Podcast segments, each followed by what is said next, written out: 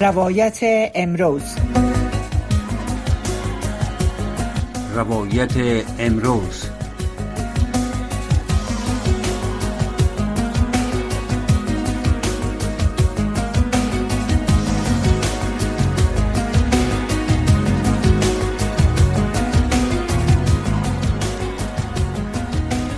سلام شنوندگان عزیز به برنامه روایت امروز از رادیوی آشنای صدای امریکا شما را خیر مقدم می‌گویم. البته که شنوندگان عزیز می‌دانند که با آغاز سال نو در افغانستان همان گونه که زندگی با ها و تمنیات تازه آغاز می شود زیبایی های طبیعی رو نما می شوند و جوانه ها یک بار دیگر سر می زنند امیدها و آرزوهای تازه در دلها پرورش می یابند به همین منوال در مناطق سرسیر افغانستان از آن جمله شهر کابل درای مکاتب و تحصیلات عالی یک بار دیگر باز می شود و دانشجویان برای ساختن یک زندگی بهتر و مرفعتر به فراگیری و تحصیل علم می پردازند. اما امسال امسال در آستانه سال نو وضعیت بر روال گذشته نیست و سرنوشت تعلیم و تربیه دختران سوی ثانوی و تحصیلات عالی هنوز به خوبی روشن نیست. بسته بودن مکاتب و پوهنتونها بر روی نسل جوان طبقه اوناس نه تنها به خود این نسل بلکه به خانواده ها افغان ها به طور عموم حتی معافل و اجتماعات جهانی مایه نگرانی است و از این لحاظ از هر سو صدای مخالفت ها و حتی تهدیدها در برابر ادامه این وضع بلند است. طالبان بعد از رسیدن به قدرت و گرفتن زمام امور در افغانستان گرچه از دایمی نبودن این وضع سخن می‌زنند ولی حالا که وقت با شدن مکاتب و پانتون ها برای دختران است کدام مدرک یا علائم از ختم این حالت دیده نمی شود ما در برنامه امشب روایت امروز با عواقب محرومیت دختران از تعلیم و تحصیل تأثیرات عدم دسترسی به دانش و علوم و زندگی آینده این دانشجویان می پردازیم. مهمان برنامه ما محترمه آنایتا محبوب اوریاخیل فعال حقوقی و مدنی زنان در افغانستان مدرس و ژورنالیست می باشند. خانم اوریاخیل به برنامه خوش آمدین. بسیار تشکر من هم بنابرای خود عرض سلام و عجب دارم خدمت شما و شنونده های محترم شما تشکر می‌کنم از اینکه برای برنامه ایتان دعوت شدیم تشکر از اشتراک شما در برنامه. قبل از اینکه به وضعیت فعلی بپردازیم به مناسبت نیست که اگر به 20 سال گذشته عقب برویم و بفرمایید که زنان افغانستان در طی 20 سال گذشته چه نوع دستاوردهای در تمام عرصه داشتند؟ وضعیت تعلیم و تربیه و تحصیل دخترها در چه سطح قرار داشت؟ بسیار تشکر از سوال شما.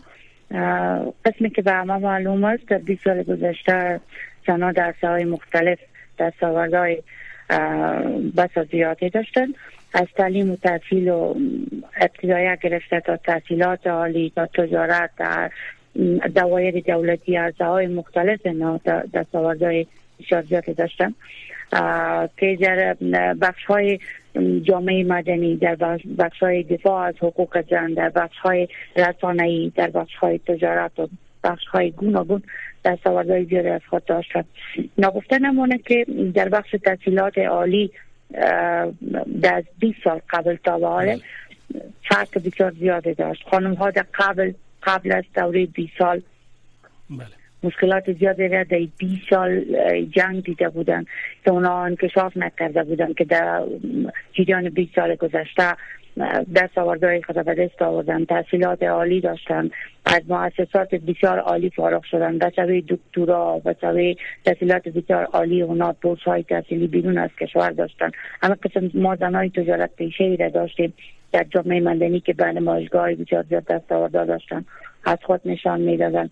تجارتشان بسیار بلند دسته بود اونا تا تجارت از تجارت های کوچک گرفته تا تجارت های بزرگ صادرات به کشورهای بیرون داشتن در جواهر دولتی کارهای بسیار زیاده می‌کردن بله. پست های دولتی. اونا بست های ولایتی اونا کار می‌کردن. پست های ریاست اونا کار می‌کردن. یکی های بسیار بزرگی بود که جناب در 20 سال گذشته داشتن و مصروف همو های خود بودن. اگر این دستاوردها تغییر نمی‌کرد و تغییر رژیم نمی‌شد مشکلات برای اینا پیش. نمی آمد این بسیار زیاد حتما که بیشتر می‌رفت و بزرگتر شده می‌رفت و امروز های بیشتر نگاه می داشتن خب به نمونه مثال شما از خود بگین که در این سالهای اخیر شما مصروف کدام کارهایی بودین که نمونه خوبه برای تمام زنای افغانستان و همچنان طبقی اوناس در افغانستان باشه. شما از خود بگین که چه کارهای مهمی را در طول سالها انجام دادین؟ بسیار تشکر. مثل من زنای دیگه بود که در مؤسسات غیر دولتی اینا دستاورد بسیار زیاد بزرگی داشتم که از جمله های تجارت پیشه را میشه که من مثال بتون ما بله. یک جمع بزرگی از های تجارت پیشه را داشتیم که اونا ثبت راجستر مؤسسات غیر دولتی و وزارت محترم امور زنا در حکومت گذشته بودن. تجارت های کوچک که داشتن فرزن صنایع دستی داشتن. صنایع دستی از اینا از کارهای بسیار کوچک خانگی شروع شده بود که اینا فرزن بافت می‌کردن اینا قامک دوزی می‌کردن اینا قالین میبافتن. فرزن بافت تکه بود خامگوزی بود کروشنیل بافت کروشنیل که خانم ها موردوزی می‌کردن. کارهای کوچک کوچک از اینا و به شکل بزرگ شده بود که از طرف وزارت امور زنا برای ها نمایشگاه حتی وسط بیرون از کشور دایر می‌شد. اینا در نمایشگاه بسیار بزرگی در بیرون از کشور اشتراک کرده بودن همین تمام صنعت افغانستان به نمایش گذاشته بودن صنعت افغانستان معرفی کرده بودن. رسم رواج و رسوم و انعنات لباس و قالین و تمام رسم رواجی که در افغانستان وجود داشت اونا می‌تونستن که ایره یک دستاورد بسیار بزرگی از, از دستکار خود زنا ترتیب و تنظیم کنن و به نمایش بگذارن که در نمایشگاه اشتراک کرده بودن. و قسم بدون از این دست زنایی که اینا در نمایشگاه اشتراک می‌کردن زنایی بود که تحصیل کرده بودن زنایی بود که دستاوردهای بزرگی داشتن فرزن سازمان های بسیار کوچک را تشکیل کرده بودن مؤسسات را ایجاد کرده بودن که در وقت ارتقای ظرفیت اینا بر خانم ها کار می‌کردن کورس های فناوری را اینا داشتن که فنای بسیار متفاوت را از اطفال گرفتن نوجوانان گرفتن تا خانه هایی که خانمای ده خانمایی که سرپرست نداشتن او ده خانمایی که اعضای خانواده خود از دست داده بودن سرپرست خانواده نداشتن اینا نانآور فامیل خودان بودن.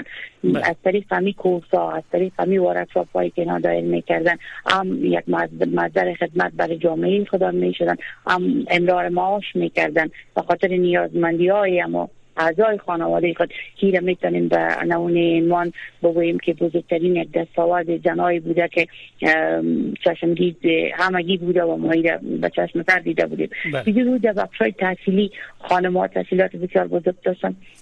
در های بزرگ اینا اشتراک می‌کردن. بچوی دکترا و مستری فارغین ما داشتیم. از پانتون های شخصی گرفته تا پانتون های دولتی که در پانتون های شخصی هم اینا از طریق های مختلف معرفی می شدن به بورس های تحصیلی بیرون از بله. کشور. و به عنوان استادای بسیار برجسته اینا تدریس کرده بودن از خود فعالیت نشان داده بله. بودن در اجتماع در ورکشاپ ها خب. در های بیرون از کشور به ما قسم ورکشاپ ها زنای بسیار زیادی بوده که در 20 سال گذشته در های بسیار زیاد عالی خب. داشتن خب این حال ای همه دستاوردهایی را که شما برشمردین در موقف اجتماعی فامیلی و همچنان اقتصادی طبقه اوناس تا کدام اندازه سهم خود داشت؟ یعنی تا کدام اندازه موقف اینا را بلند برده بودن در این دستاوردها در اجتماع افغانستان؟ بله این یک نکته بسیار مهم است که نادیده نمیشه ایده که یک چیزی بسیار معلوم دار است که طبعا وقتی که یک خانم تحصیل کرده با خانم که تحصیلات عالی نداره. هزار فیصد صد فیصد فرق می‌کنه. که اینا در اجتماع سطح بلند داشتن در اجتماع موقف اجتماعی بسیار بلند داشتن. در بله. جمع از مردم موقف اجتماعی بسیار بلند داشتن. زنای خانگی که ما در روستاها داشتیم زنایی که تحصیلات عطا کم داشتن مردم دار بودن در بین اجتماع بودن. با زنای بسیار بزرگ که اینا تماس داشتن از طریق ورکشاپ اونا تانسته بودن. حتی خود با شوراها کاندید کنن که شورا شوراهای مردمی بود شوراهای جمعی بود. همین با اون جرگه مشان و جرگه که اینا خود کاندید می‌کردن اینا جمله کسانی بودن که در از جمله پیش یادآوری کرد که دستاوردهای بزرگ از بوده که از جمع مردم انتخاب می شدن مردم اینا را انتخاب می‌کرد. این دستاوردهای اینا مردم دیده بود. کارکردهای اینا مردم دیده بود. مردم برای اینا اعتماد بسیار بزرگ داشتن. بله. مطمئن بودن که اینا می‌تونن کارهای بزرگی بکنن.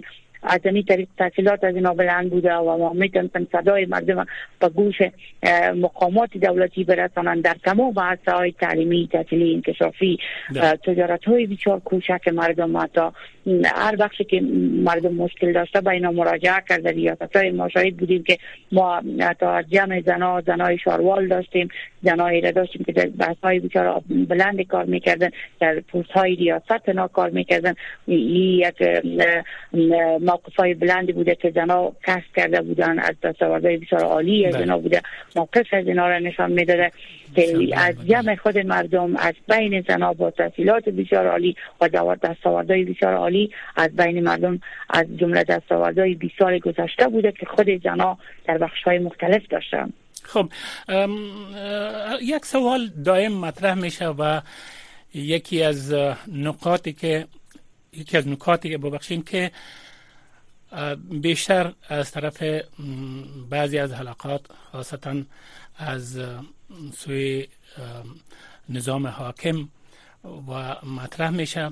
او مسئله از این قرار است که در گذشته که در 20 سال گذشته زنان افغانستان که تا این اندازه در مسائل اجتماعی اقتصادی دخیل بودن تا از این شک داشتن که اونا بتانند در او شرایط از رسوم و انانات و همچنان از اصول اسلامی به قدر کافی اینا بتانن که محافظت کنن و طوری که دیده می‌شد با وجودی که در سر تا سر افغانستان حجاب اسلامی مراحت میشه طوری که ما شاید در کابل هستیم. پس روی این موضوع بعضی از گلایه ها و یا شکایت هایی که در این مورد بود تا کدام اندازه حقیقت نداشت که زنان افغان با حفاظت تمام اصول اسلامی و افغانی در دایره از او ای فعالیت ها را اجرا می‌کردن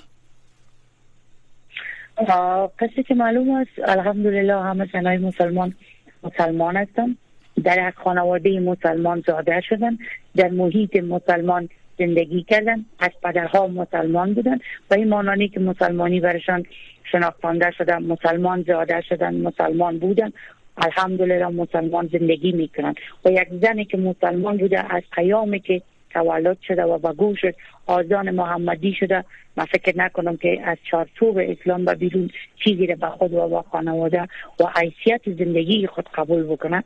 تمام زنای افغان در افغانستان در تمام ولایت افغانستان چی وسایی که هر گوشه افغانستان بوده مخصوصا کابل زنایی بوده که با ایجاب اسلامی رعایت تمام قوانین اسلامی وظایف خود پیش می بوده و تحصیلات خود ادامه می دادن و در تمام دوایری که کار می‌کردن در تمام عرصه هایی که اونا مصروف زندگی اجتماعی بودن مسائل اسلامی را مد نظر داشتن. خوبی یک گپ معلوم دارد که با تغییر رژیم بعض قانون و قوانین متفاوت را وضع کردن. بانای خاربان شاید یک چیز ناشنیدنی و یک چیز دفتنی بوده و به گوش امود زنایی که کار می‌کردن در بیرون.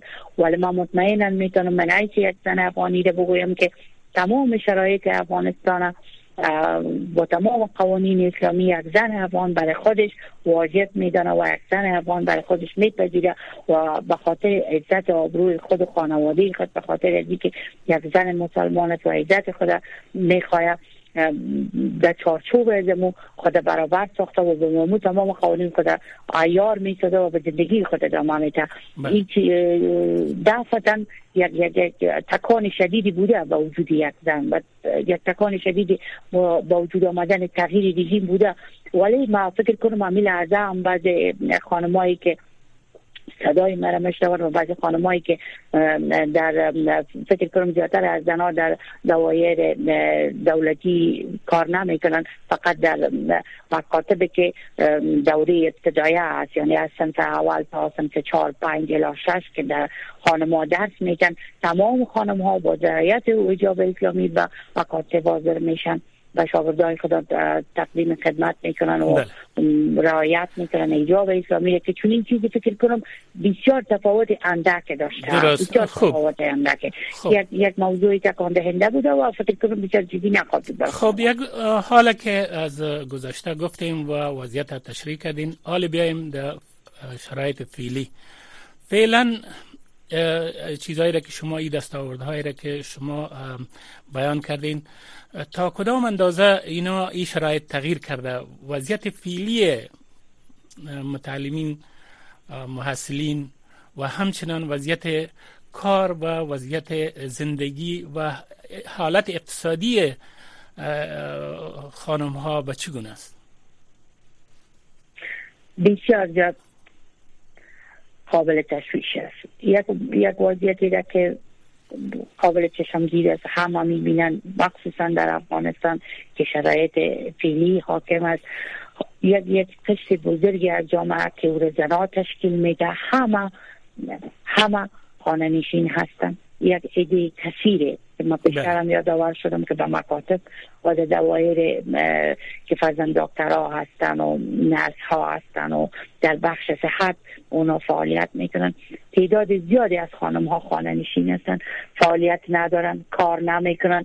که یک تاثیر بسیار بزرگی را داره بالای روحی یک خانم برای آینده یک کشور که در حدود بیشتر از یا در, در چهار اطراف سی میلیون زن از قشر بله. جوان که این متشکل از دخترها و کسایی هست که رفتن می رفتن به تحصیلات عالی و درجه های عالی که می‌خواستن فارغ شون از تحصیلات عالی برخوردار باشن همه از اینا خانه نشین هستن فیلن در کابل مکتب فقط در دوره متوسطه هست. الا سنف ششم که دخترای خودسال و بچه های خودسال می‌تونن درس بخوانن ما یک حکایت کوچکی را که چند روز پیش به چش سر چشم خود دیدیم از یکی از مکاتب دیدار کردم در اونجا ما دخترایی را دیدم که اونا سال قبل یا دو سال قبل در اون مکتب سنف هشت و نوی مکتب بودن. بله. در چهار گوشه های مکتب دخترک ها گیریه می‌کردن. با چشمان گیریه آلود با یک روحی بسیار خسته با قلب های بسیار شکسته.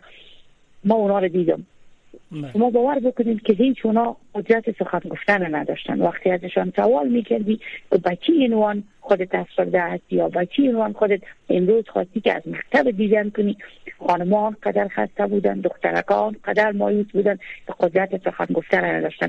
و ما از ما از یکی از استادای ما سوال کردیم که دخترکا امروز چطور آمدن؟ آیا یک شایعی وجود داشته که گویا مکتبا شروع میشه؟ دخترکا خواستن امروز مکتب که چون این چیزی وجود نداشت. دخترکا فقط به خاطرات گذشته خود به مکتب سر زده بودن به خاطرات گذشته خود از دوستای دوری مکتب خود از استادای خود از اداره مکتب خود دیدن می‌کردن که اون دخترکا بسیار زیاد آرزو داشتن که از مکتب فارغ شوند تحصیلات عالی داشته باشن و کانکور اشتراک کنن این جامعه یک جامعه بله. بسیار بزرگ است. به خاطر رشد توسعه اقتصادی و یک بله. کشور بسیار پیشرفته. ما نیاز به دکتر ما نیاز به انجینیر ما نیاز به یک قشر با تفکر و اندیشه عالی داریم بله. در یک مرحله نباید که تعلیم و تحصیل از یک قشر بسیار بزرگ جامعه سلب شود حق تعلیم و تحصیل برای مرد و زن فرض است. بله. قانون اسلامی که مرد و زن حق تحصیل دارد که نباید یک قشر بزرگ جامعه نادیده گرفته شود و حق تعلیم و تحصیل از پیش از یا بگیرند. خب و برای که هیچ حق نداریم. ولی در این مرحله می‌خوایم بفهمیم که اگر وضعیت به می شکل به می منوال ادامه پیدا کنه و سالهای بیشتری روی محدودیت یا مانع شدن از مکاتب سپری و وضع به می حالت بمانه. بالاخره عواقب ازیره به کشور به پیشرفت جامعه به مسائل زندگی شخصی طبقه اوناست. همچنان به پیکچر یا امی تصویر جامعه افغانی در جامعه بین عدم شناخت افغانستان حکومت افغانستان و در مجموع خرابی وضعیت اقتصادی عواقب زیر شما چی می‌دانید؟ بسیار عواقب ناگوار خواهد داشت برای توسعه دراز مدت اقتصادی یک کشور میشه یک زایی بزرگ جبران ناپذیر در کشور بله. که یه عواقب بس خطرناکی داره در تمام بخش ها بخصوص برای ازدواج های زودنگام خانوان برای بله. ازدواج های زودنگام دخترای زیر سن برای برای بد و بدل و تمام رواج های دیگی که مروج بوده از قبل در افغانستان که بیش از سی میلیون دختر خانه نشین شد و تعلیم و تحصیل نداشته باشه یک کشور بسیار پسرفته خواهد بود. یک کشور خواهد بود که در توسعه انکشاف اقتصادی خود هیچ دستاورد نخواهد داشت و بسیار خطرناک داشته میشه به خاطر ازی که یک کشوری که پیشرفت نکنه یک کشوری که کادرهای علمی از خود نداشته باشه یک کشوری که به درجه تحصیلات بسیار عالی همه ساله دستاورد نداشته باشه یک چیز بسیار معلوم داره که کشور در تمام عرصه ها پس میمانه ما دکتر نخواد داشتیم. ما از قش زن و مشکلات بسیار جدی مواجه خود بودیم. در تمام عرصه ها فکر کنم حتی در عرصه پولیس در عرصه مسائل سیهی در بخش صحت در بخش مکاتب دولتی در تمام عرصه ها حضور داشت خانم یک بخش بسیار مهم و عمده بوده. فرض مثال یک خانمی که مریض میشه بعضی از رسم و رواج هایی که در, در دهات در ولسوالی های دورستادی هر کشور بوده با بله. خصوص کشور افغانستان که کشور بوده صنعتی کشور بوده که روی رسم و انعنات و نمی‌فهمم رواج های انعنوی مردم بوده که خانم خود اجازه نمی‌داده که پیش دکتر مرد مراجعه کنه پس اوجا نیاز به ای بوده که دکتری از قش اوناس اونجا باشه. یک کسی از قش اوناس باشه که به خانه میشن کمک کنه. این اگر به این روند ادامه پیدا کنه که تعلیم و تحصیل درهایش بروی دخترها بسته باشه هیچ پیشرفت نخواد بود انکشاف نخواد بود کرده های علمی فارغ نخواد شد.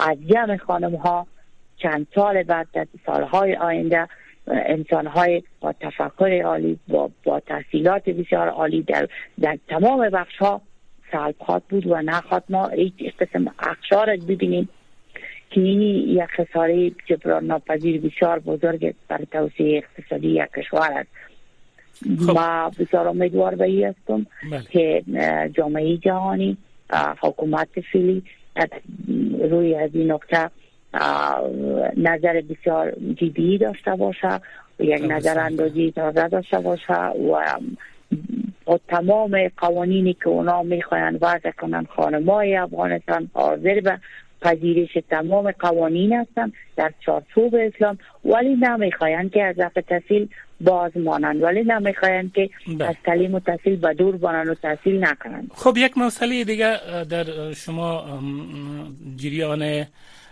تدریس مکاتب شاهد بودین و همه ما شاهد بودیم مسائل دینی امور دینی تا کدام اندازه در مکاتب ابتدایه ثانوی و تدریس می‌شد.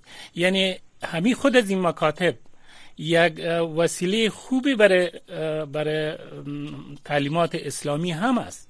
برای که در, در افغانستان کدام وسیله دیگه که تعلیمات دینی در افغانستان به طبقه اوناس برسه؟ غیر از مکتب دیگه چیزی نیست. خود از یک فرصت بسیار مهمه برای رسانیدن پیام اسلام و و همچنان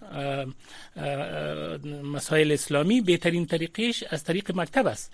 این خودش بله، بله. سبب میشه که دخترها در امور دینی و دنیایی هر دو یعنی به قدر کافی اونا تعلیم یافته شوند. نظر شما چیست؟ بسیار بسیار سوال خوبی بوده بسیار نظر خوبی بوده این یک یک نقطه بسیار مهم است یک نقطه است که قابل چشمگیر بوده در گذشته ها و فعلا حتی میشه به نمونه عنوان بگویم که یک طفلی که روز اول به مکتب میره ما باید داریم دوره مکتب خود وقتی سن شروع می‌شد به تختی سیایی که نشته می‌کردیم تقسیم اوقات امروز خدا ساعت اول خدا ما او رو به بسم الله الرحمن الرحیم شروع می‌کردیم چون که بله. ما مسلمان بودیم با کلمه او را شروع می‌کردیم. ما ساعت قرآن کریم در هفته سی بار داشتیم. استاد قرآن کریم تدریس می‌کرد. تمام مسائل دینی که در چارچوب اسلام برای یک اولاد مسلمان ضروری بود او در مکتب برشان آموزش داده می‌شد. ما مخته بودیم از دوره مکتب خود. و فعلا ما بالای اولاد خود چنین چیزها را کوشش می‌کنیم که یاد بگیرن. در دوره مکتب ما استادای علوم دینی داشتیم.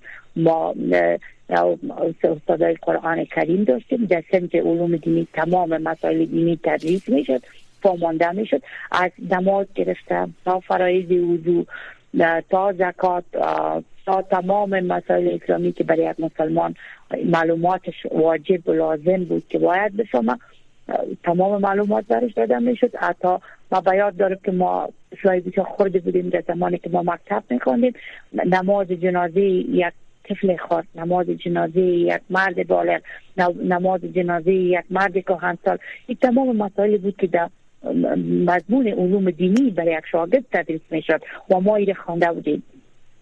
ما, ما تمام واجبات مسائل اسلامی را که زکات کی واجب است؟ زکات چی رو نباید داده شود؟ یک فرد مسلمان کدام قوانین باید در نظر داشته باشه؟ حتی حتی دزدی حتی جزاهایی که بر دزد داده می‌شد و عدی مسائل کپای بسیار زیادی که در دمو کتابای علوم دینی ذکر شده بود برای برای تدریس می‌شد ما مخته ما فعلا دو تا دخترکای خودسال دارم. که اونا در جریان همی زمستان استاد خانگی داشتن.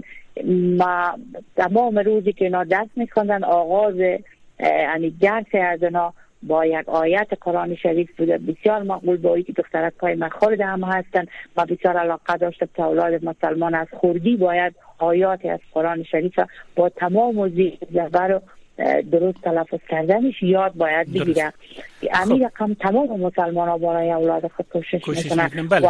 خب. که در چیزی دیگه داشته باشن بله. حالا تقریبا ما فقط یک یک نیم دقیقه وقت داریم.